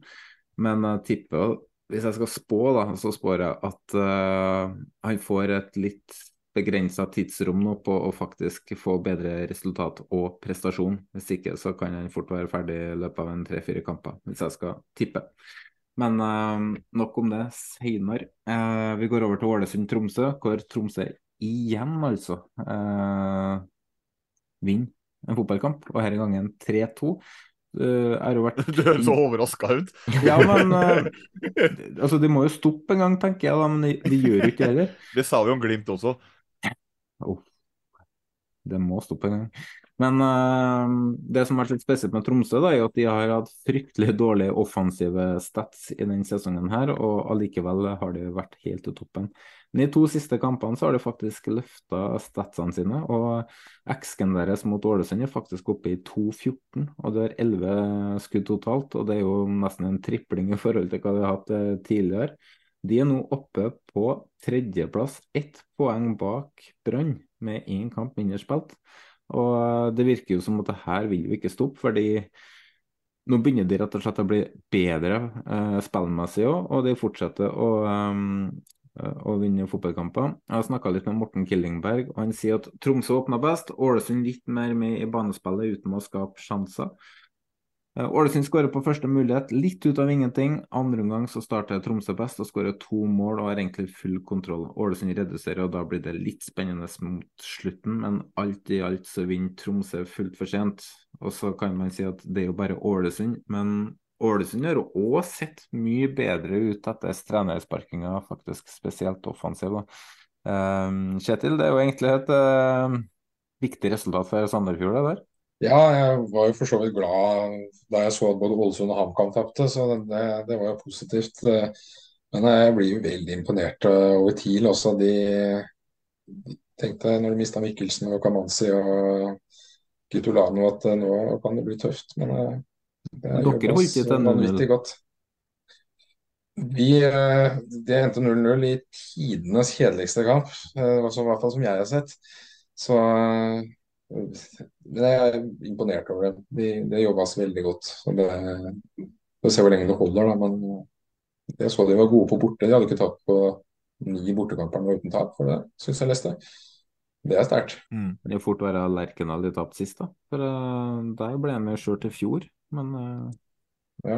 det blir bare synsing, da. Det sikkert Det som, er, som det som er litt trist, er jo at uh, du ble glad, Kjetil, for at uh, HamKam og Ålesund uh, tapte. Men det ble jo for så vidt jeg òg. Du må huske på det, nå er SF var ett poeng bak Vålerenga med en Ja. kamp eh, til gode. Og Vi skulle jo møttes nå neste helg, eller om to uker, da. Men den kampen ble utsatt. Kanskje heldigvis nå som Fagermo mista jobben. Ja, så det er jo Vi kommer sikkert tilbake til det, eh, men eh, ja, det er riktig tidspunkt når vi som først skal gjøre noe i Vålerenga, med eh, en god stund til neste match og sånne ting. Så, eh, men, eh, men det sier litt om hvordan eh, sesongen har blitt til nå. Jeg har sett mer nedover de siste ukene enn jeg har sett oppover, for å si det sånn. Så eh, det, forhåpentligvis tar det slutt nå, men det er jo ingen garanti for det. bare fordi man Så dårlig på hjemmebane, da. Ja, ja, ja. Det er helt, eh, ja, det er, eh, det er helt skrekkelig. Men eh, for, for å dreie det her tilbake til Tromsø, da. Ja, gjør det. Ja, fordi at uh, Tromsø hadde en klar plan fra seriestart at de hadde fokus på det defensive. De hadde fokus på defensiv struktur, og så skulle angrepsspillet komme etter hvert. Nå begynner angrepsspillet sakte, men sikkert å komme, og det her begynner å se veldig bra ut. En spiller som en Vegard Erlien som de har henta fra Obos, han får fotball til å se enkelt ut. Han får fotball til han, han ser elegant ut når han bare triller ballen enkelt i mål. Kan Det jeg få liksom- komme med en påstand der? Ja, vær så god. Han er bedre enn August Mikkelsen. Mm. Ikke, ikke nødvendigvis i alder og sånn, men uh, altså, August Mikkelsen skutt- dominer, han dominerte ikke i fjor.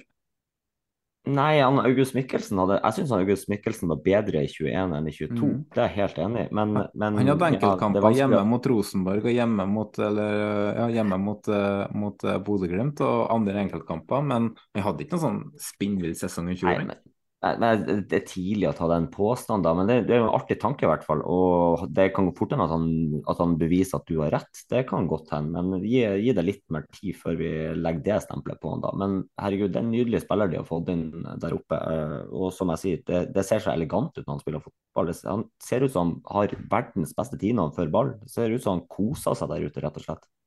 Vi avslutter der med Frank som prøver å smiske neste signering, neste signering til, til Bodø-Glimt.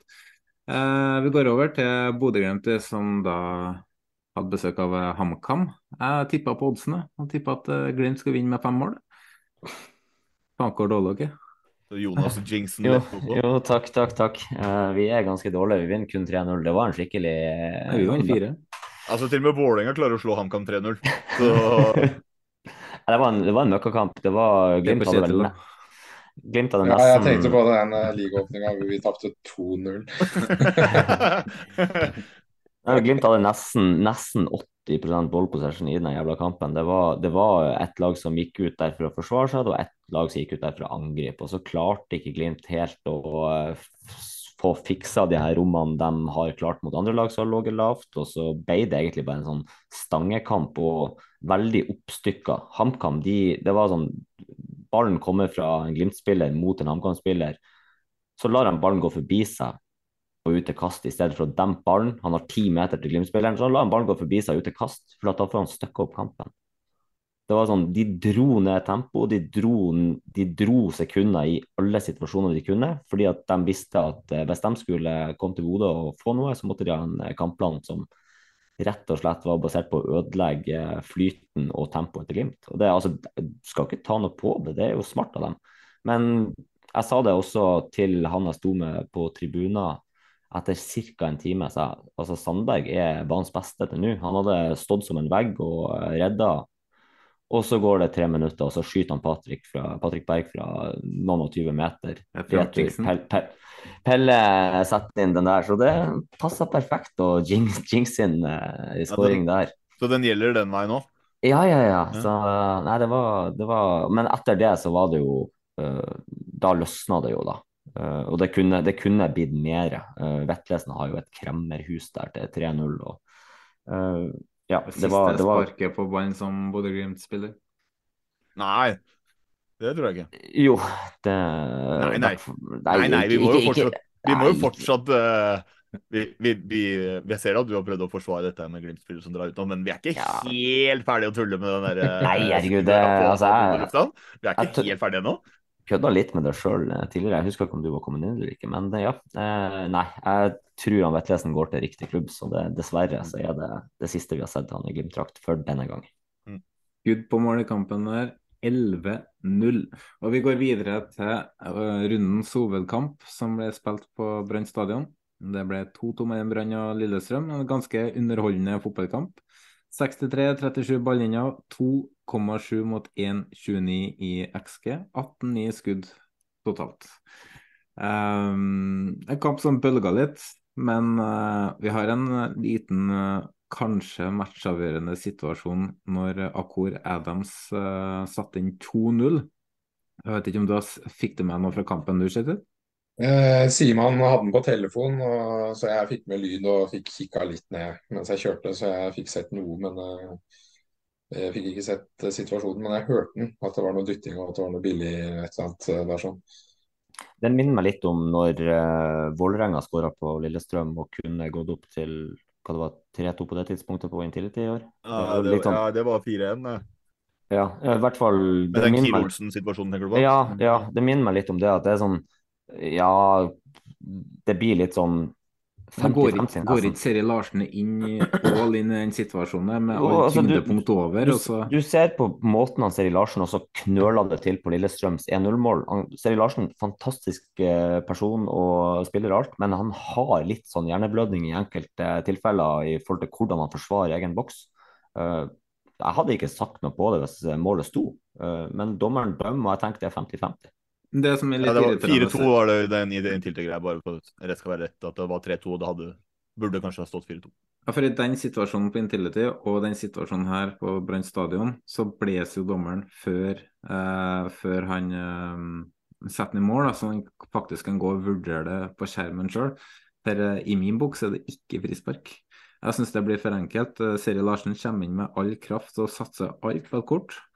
Feiler, og så er det selvfølgelig kontakt. Men om det er nok kontakt til at det skal blåses på, det, det syns ikke jeg. Men jeg ser det er mange som er uenige med meg, så det kan godt være at jeg tar feil. Jeg, jeg, jeg, er litt, sånn- jeg er litt sånn 50-50. Men i en kontaktsport at kontakt er det eneste kriteriet, det blir for lett for meg. Eh, For det er ikke, kontakt er ikke forbudt i fotball. Det er Nei, så, så er det vanskelig med. Hadde det vært Premier League-kamp og vi har fått uh, vink, andre kameravinkler, så kanskje hadde sett annerledes ut at dommeren faktisk um, gjør helt korrekt da. Men uh, poenget mitt er at han må i hvert fall holde igjen, da. Og så se på situasjonen etterpå. Men så kan det hende at dommeren har bedre vinkel enn eh, enn kameraene som er der. Men uh, for all del, det var en bra kamp, Frank. Ja, jeg, jeg syns det er en god kamp. Jeg, jeg skrev vel kanskje i chatten vår uh, i forkant at jeg trodde at uh, Lillestrøm ble å vinne der, fordi at Lillestrøm fikk endelig, jeg sa det kanskje i forrige pod, at Lillestrøm fikk en treningsfri uke mens Brann fikk eh, cup og alt mulig. Og Brann måtte jo til ekstraomganger av straffekonk i cupen, så jeg tenkte at uh, nå var det litt slitne bein i Brann, og at Lillestrøm kom uh, med ny giv og masse energi. da. Uh, Så hadde det blitt 2-0 på denne sjansen, så tror jeg Lillestrøm hadde reddet inn. Men eh, kampen sett under ett, så syns jeg 2-2 er et ganske greit resultat. gavepakke til eh, Glimt, da, uten at jeg tror at det hadde endra resultatet til slutt. Men det er jo, per nå så er vel kanskje Brann det laget som eh, har størst sjanse for å henge med eh, utover. Altså akkurat nå, det kan endre seg i løpet av sommervinduet når Europa og sånn begynner, men per nå så har det jo sett ut som det laget som er nærmest å kunne utfordre om den øverste, selv om jeg strengt tatt ikke mener at de er Vi, vi, vi holder til en kamp om andreplassen, vi, tenker jeg. Ja. Men det er jo uansett et godt resultat for Glimt. Altså, at eh, LSK og Brann deler de poengene. sånn at tilfelle de skulle komme i en slump og trenge alle poengene de ledelsen de har, så skader jo ikke det. Tenker jeg. Ja, jeg syter ikke. Nei. Eh, da tenker jeg vi har snakka nok om runden som har vært, men du kan gå innom litt eh, rundens pluss og minus. Vi kan starte med deg da, Frank. Rundens pluss. Eh, Jeg vil gi rundens pluss til de reisende HamKam-supporterne som kom til Bodø. Eh, de var en- Ja, de var vel en ti-tolv stykk, men det, det regna sidelengs surt og kaldt i Bodø. Vi hadde faktisk en fin sommerdag til en forandring på lørdag, og så kommer søndagen, været slår om, og så blir det skikkelig surt og jævlig å stå på den tribunen uten tak.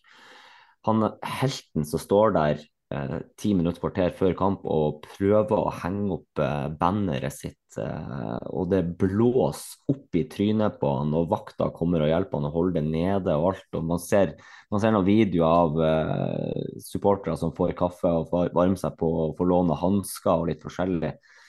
Rundens eh, pluss for meg er rett og slett de reisende som kom opp til Bodø og eh, sto på med det de kunne stå på med eh, fra 10-12 stykk eh, i det været Bodø leverte. Åssen er det her da, Kjetil? Vanningsforbud og 30 grader og solbrent og Vi har det godt? Ja, det er deilig nå i Syden. Vi bytter gjerne vær litt grann, hvis dere ønsker det. Nei da, det går fint. Åssen eh, har du rundens pluss da, Kjetil? Eh, ja, jeg tenkte litt på hva jeg skulle ta, men jeg valgte faktisk å gi det til vertskapet på bortefeltet i Haugesund. De var veldig, veldig hyggelige. Snakka med oss, og jeg syns alltid det er hyggelig å kunne snakke litt med om det er vaktene eller om det er vertskapet der. Sånn. eh, Det er alltid hyggelig å bli tatt godt imot, så de skal få en pluss. Så, så det er hyggelige folk. Det syns jeg er fint. Ja, jeg, jeg har ikke gitt det veldig mye pluss i, til egne rekker gjennom sesongen, hvis jeg husker helt rett. Men eh, jeg må gi en aldri så liten pluss til uh, mine egne på Østflokka denne gangen. For uh, uh, fire tap av fem mulig på hjemmebane, det er nedrykkstempo det på hjemmebane. Så, men det virker ikke å påvirke de som står der et eneste sekund og ha fokus på det de kan gjøre noe med, og det er å prøve å lage best mulig stemning. Så jeg tar av meg hatten for at de, de som møter opp hver gang og gjør, ja, gjør det interessant å dra på Vålerenga-kamp, åkke som hvor dårlig den fotballen har vært i tider. Jeg gir eh, rundens pluss til Odd, og da spesielt Midtskogen, som uh, meget sterk MSC mot Molde. Og så er det litt fint å se intervjuet til ham etter kampen, uh, hvor mye det faktisk betyr for ham. Frank, rundens minus? Ja, rundens minus den vil jeg ned en divisjon. Jeg vil til Obos-ligaen og en klubb på altså Fredrikstad, da. Uh, Nå har ikke jeg hele historien der, men det er nakenvisitering, det er batongslag mot mindreårige. Og så har jeg hørt uh, litt om at det var utagerende oppførsel fra vedkommende som har prøvd å skalpele personer og den slags. Men og så kommer Fredrikstad med ei pressemelding der det liksom vi eh, syns ikke noe om oppførselen på bortefeltet, men de tar kun ei side av saken. Jeg syns det er svakt håndtert av Fredrikstad. Jeg syns det er grusomt å høre om nakenvisitering. Det går en video på sosiale medier der du ser at det skjer. Um, og så ja, jeg vet ikke hva mer jeg skal si. Jeg er litt uh, paff, egentlig. Jeg håper at uh, Fredrikstad rydder opp i det her. Jeg håper det blir tatt en skikkelig runde med det. og igjen, hvis det er sånn at Start også har et uh, problem med utagerende oppførsel blant supporterne sine, så håper jeg også de tar tak i det her. For det, Saken har sannsynligvis flere sider, men det, det, er skikkelig ille å høre i hvert fall det som har skjedd der borte. Kjetil? Ja, jeg hadde det samme, faktisk. Jeg syns det var helt uh, håpløst. Jeg leste jo det at han ene, ene unggutten Han var FFK-supporter og politiet, hadde vært hjemme hos ham eller et eller annet og sånn også. Så det Nei, uff, dårlig håndtert. Kan ikke ha det sånn. Eh, Snorre? Ja, jeg, i stedet for å gjenta selv, da, så kan jeg si at uh, kall det rundens minus. Det er uh, Ajax som ikke går for Kjetil Knutsen. ja, det... det, det tror jeg, jeg tror det var 15 lag da, som håpa at, uh, at uh, Bodø-Glimt måtte ut på trenerjakt nå. Men uh, nei, han uh, endte ikke oppi der. Så det er aldri så liten minustegn til uh, nederlenderne. Det er jo et minus at Fagermo mista jobben nå, da. Sånn. Ja, der, liksom, der, har du den samme effekten at det, det syns 15, 15, lag, da. jeg har uh, Strømsgodset. Jeg har en litt lengre enn her. Um, jeg sitter en Ultras som har sendt oss en uh, melding. Han klager på elendig markedsføring før matchene i Eliteserien. En showkamp betyr tydeligvis mer for godset enn en kamp i Eliteserien. Uh, arrangementet rundt den kommende showkampen, hvor tidligere godsespillere skal møte tidligere Mjøndalen-spillere, er mye bedre. Det er f.eks. Uh, pizzavogner på utsida av stadion, noe som ikke er der til vanlig. Uh, de har gått i samarbeid med flere puber i byen, og de arrangerer flere aktiviteter som de vanligvis ikke gjør. De bruker mye penger på markedsføring, bl.a. plakater, reklamebanderoller, daglige videoer eller innlegg der de reklamerer for kampen, noe som de ikke gjør eh, til vanlige eliteseriekamper. Så vanlige kamper er nedprioritert. Kun fokus på den drittshow-kampen, som jeg skrev. Og det hele der starta før seriestart. Og Ultras-gruppen er sterkt imot at den kampen skal spilles, og de vil selvfølgelig ikke stille. Dette er en match som arrangeres 17.6. Nå reklamerer vi jo for den. Og når han oppsummerer, så er det Det er gøy. Vi, vi sender send faktura til godset for reklame. Og når han oppsummerer, så er det selv, selve promoteringa opp mot kampen da, som provoserer, når det er manglende promotering inn mot eliteseriekampene. Han sier jo at hele byen har vært teppelagt med plakater de siste tre ukene, og de reklamerer også på storskjermen framfor å reklamere for neste eliteseriekamp.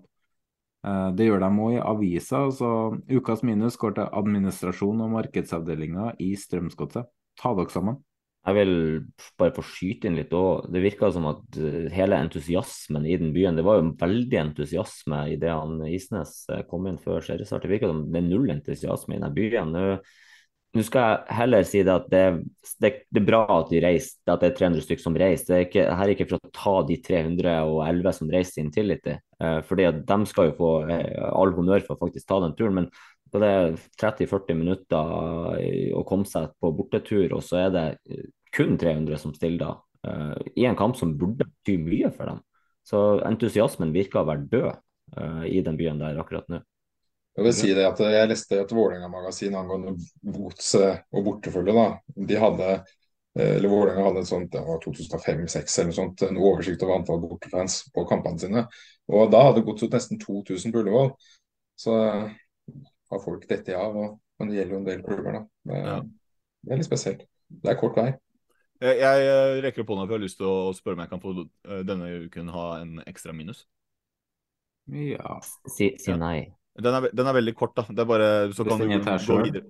Nei, nei, nei, men eh, vi kan gå videre. Eh, Det med ekstra minus er til vår gode venn Arskan, som eh, prøvde å lure meg med på Bohemen i går, når han visste veldig godt at jeg burde hjem. Så hadde han prøvd å lure meg med, er en liten minus, men jeg klarte å styre den.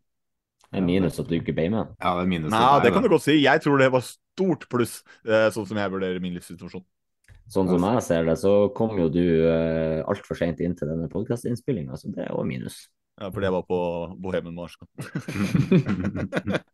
da, jeg bare tuller litt. Men eh, en liten minus, for han prøvde å lure meg. Så. Han ga seg ikke. Eh, men eh, når vi først har det, har eh, talerøret ditt i gang her, eh, Snorre, stopper jo ikke du, si. Neida. Men uh, det har jo skjedd litt ting i dag. Kan ikke du ta Ja. oss gjennom uh, dagen som en eh, Vålerenga-supporter? For vi har, snak snakka litt på chatten, og du har jo sagt at i dag I dag så er dagen her. Eh, ja, jeg sa vel ikke det. Jeg snakka med dere, dere allerede i går etter kampen, og det var jo strengt tatt sånn at ryktene begynte å svirre litt. Eh, og det Ja, for i sånn- går, i går var første gang dere sang fra østblokka at Fagermo skulle ut. Ja, Det var riktignok ikke alle som sang, men en god del. Det var nok til at det virka som at hele Østblokka sang, i hvert fall. Eh, Men eh, det er jo sikkert litt delte meninger der òg. Men etter kampen i går så var det litt sånn eh, Det var vanskelig å komme utenom at de ryktene begynte å versere. Spesielt med tanke på Det var litt sånn som Rosenborg hadde planlagt styremøte, men så begynte det på en måte også kan du si, ryktene å gå om at agendaen har blitt endra. Det er jo sånne ting vi selvfølgelig må ta med en aldri så liten klype salt. Men eh, når, når det begynner å gå de ryktene, og du får dette medlemsmøtet som følger med eh, etter at det skal avholdes styremøter og sånn, så begynte du å føle at det er et eller annet i emming her, da.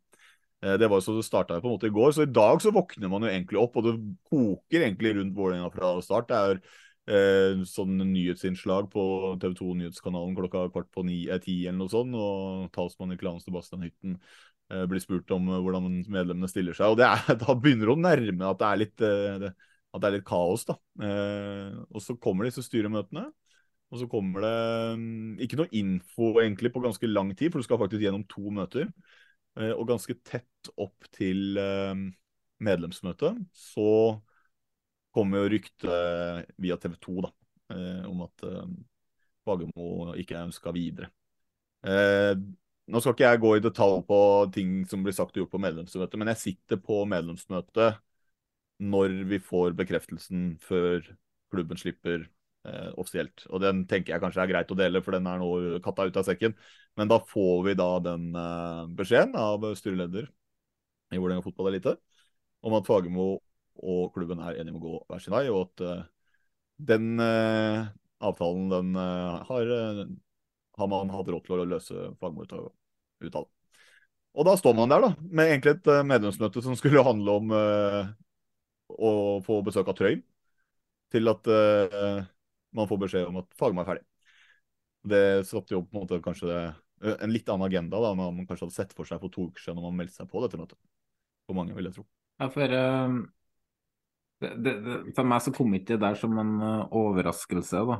Og uh, tolke, Hvis jeg skal tolke Vålerenga-supporterne riktig, så er det vel egentlig ligget i kortene lenge, men egentlig bare venta på en dårlig rekke, sånn at det kan skje. Og jeg har hørt sett flere Vålerenga-supportere som nærmest har håpa på tap Sånn at uh...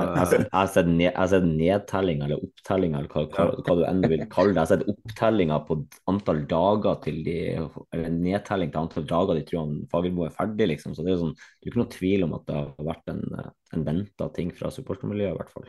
Men eh, man må ta med betraktning at dette er ikke noe som starta i år. Dette presset levde Fagermo og Vålerenga med i fjor. Eh, da redda han seg inn med en god rekke kamper. Eh, men det var jo ingen som var lurt til å tro at vi har blitt et veldig mye bedre fotballag. Eh, og jeg du merket jo, du meldte jo før sesongen, du. Ja, jeg sa det ganske tidlig. Jeg tror ikke at han får mange kamper hvis det først begynner å butte. For da kommer dette til å eh, trykket til å, å vokse eksponentielt igjen. Men der har jo, hvis vi går tilbake til de spådommene våre, jeg spådde Lan først ut, og du spådde Fagermo først ut, så vi har jo truffet på én og to, da, jeg og du. Mm. Jeg spådde egentlig Lajoni. Nå, nå er spørsmålet hva skjer med Lajoni? Eh, fordi kontrakten hans eh, med, med Vålerenga er fortsatt ut sesongen. Eh, eh, Sydney har jo valgt å ikke benytte seg av opsjonen, så per definisjon så skal det, han tilbake. Det er ikke noe sjokk.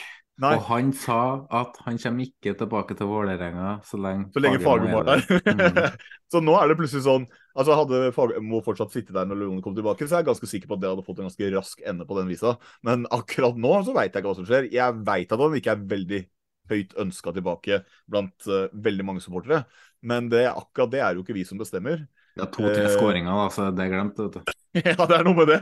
Men, uh, men det er jo en aldri så liten curveball. Uh, twist da, oppi det hele at uh, man faktisk kan plutselig ende opp med å se Lajoni i treningsutstyr på treningsfeltet igjen, fordi det er ikke funnet noen klubb til han og må møte opp. Eller det vet vi jo ikke, da, om han faktisk møter opp på trening. Det, jo, det blir jo litt sånn Det får vi se. Men uh, ja. Altså, det kommer og brifer med en ny klokke eller noe? Å ja, du dro Rolex-vits igjen, ja. ja, okay, ja, okay. Jeg melda litt med Jokke Jønsson i dag. Første svaret var travel dag her.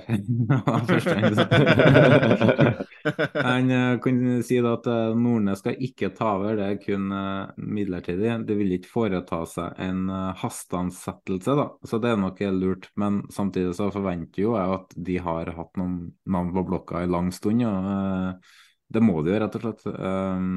Men si det Tenk deg Joakim Jonsson da, som har drevet og kartlagt trenere, og så er treneren sjefen hans. ja.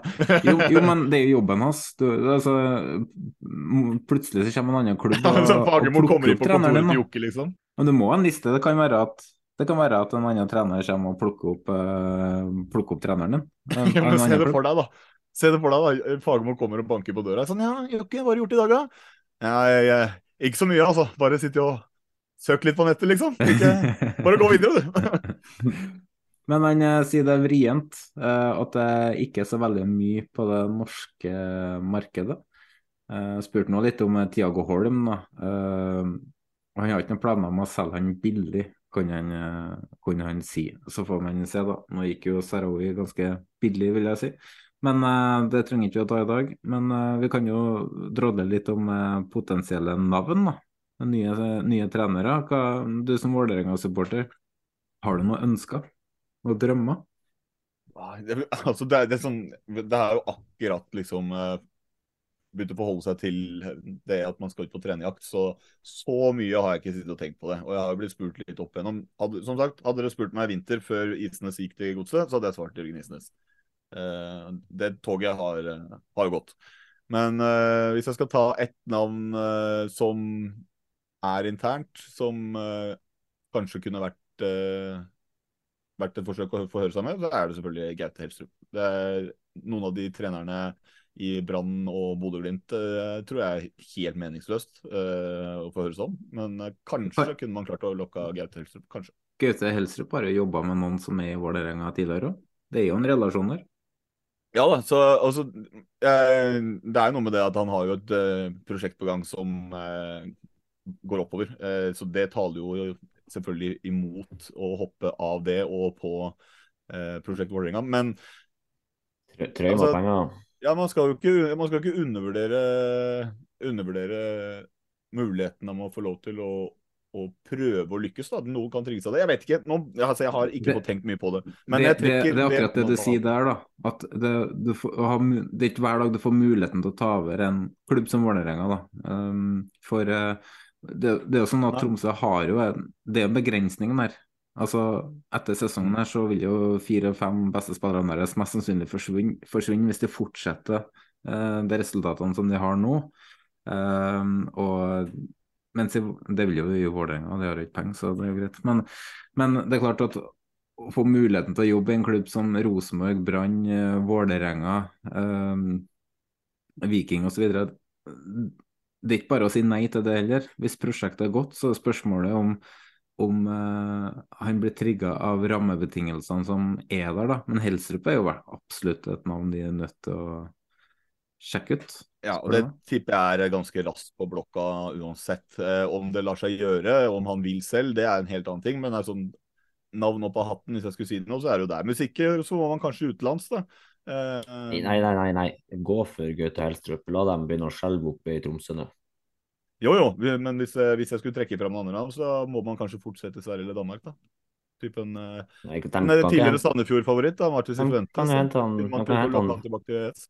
Dere kan hente han Hans Arne, som han Rekdal kaller han. Ja, du mener det?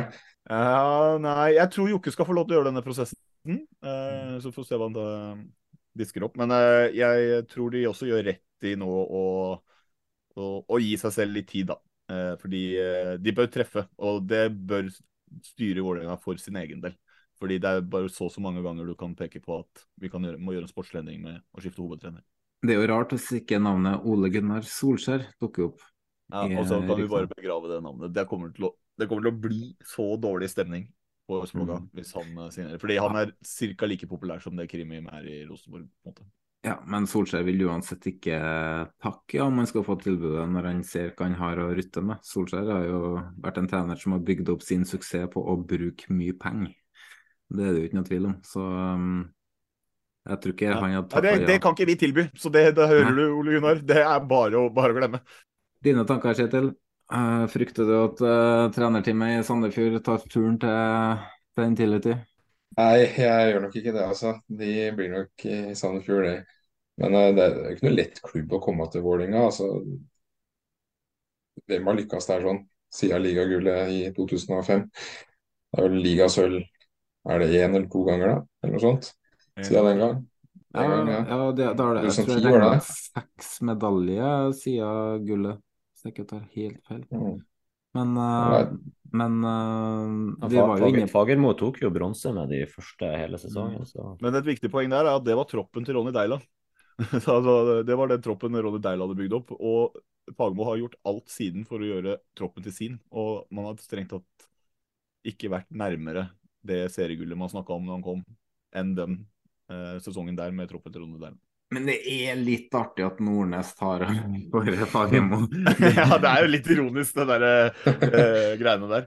Det Jeg prøvde det. å komme med forslag til Jokke for et eh, års tid siden at kanskje du skal hente en Vebjørn Hoff. Han ja, bør være en billig spiller nå. Nei, jeg skulle ikke bli nye Odd. Men, men skal, vi, skal vi prøve å gjøre en annen vri? Eh, hvor kan han Fagermo ende opp i fremtida? Det satt han seg.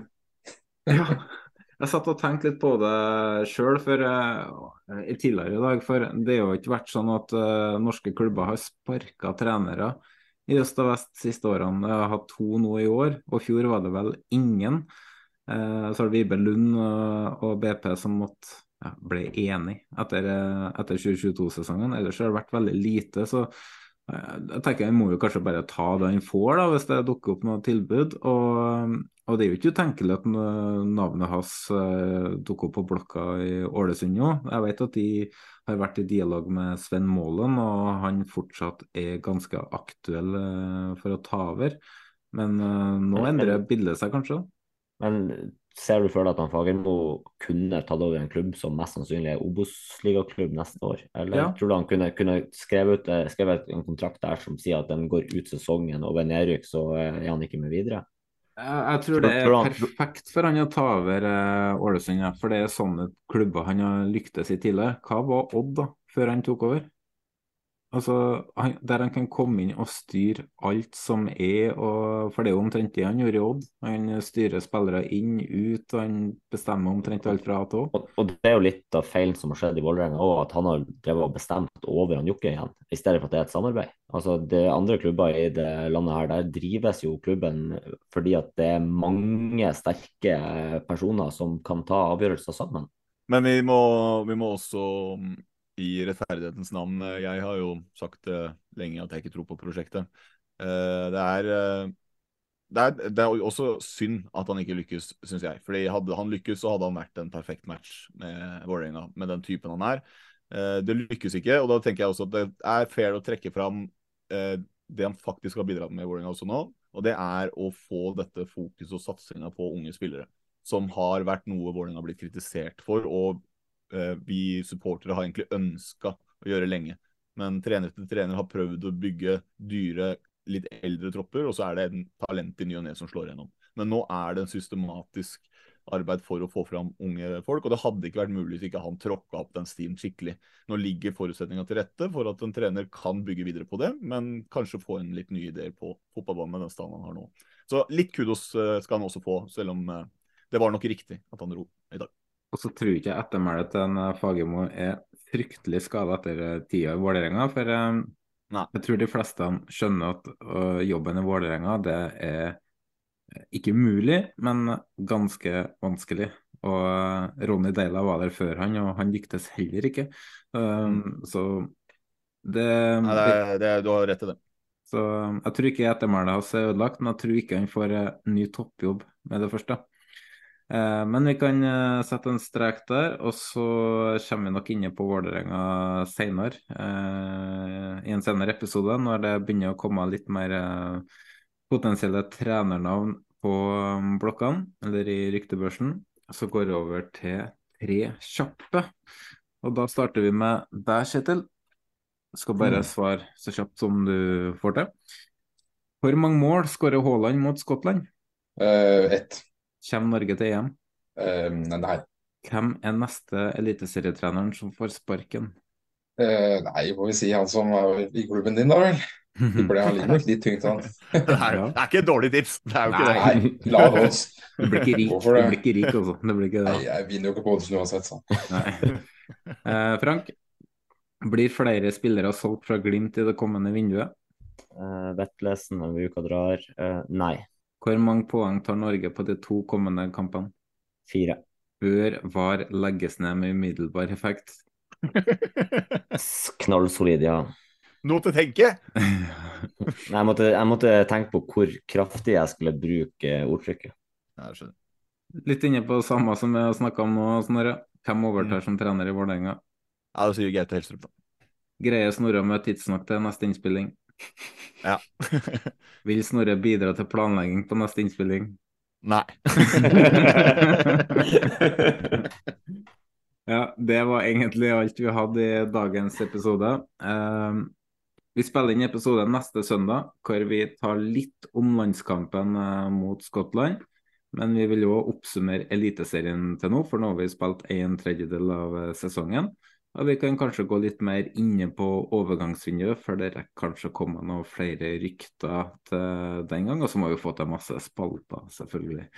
Eh, så vil vi takke Jesper Horten Skjærnes for outro og jingler. Vestfold Lydstudio for eh, intro. Iver Steinsvik for utstyr. Og Jan Erik Balto for design, merch på T-skjorta og, og all den tida han faktisk legger ned for oss i podkasten. Kjetil, tusen takk til deg for at du kunne stille. Hyggelig. Og takk til deg, Frank. Jo, takk til deg, Jonas. Takk til meg sjøl. Ja, og det var det. Hva du vente på, Snorre?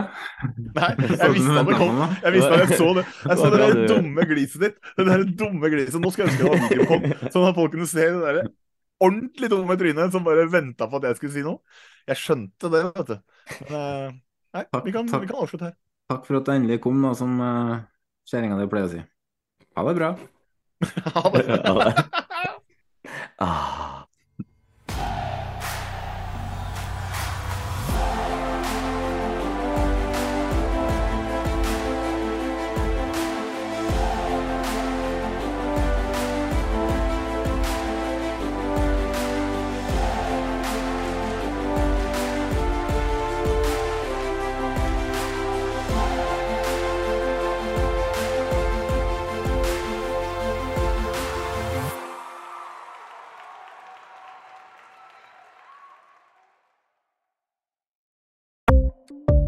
Ukens annonsør er HelloFresh.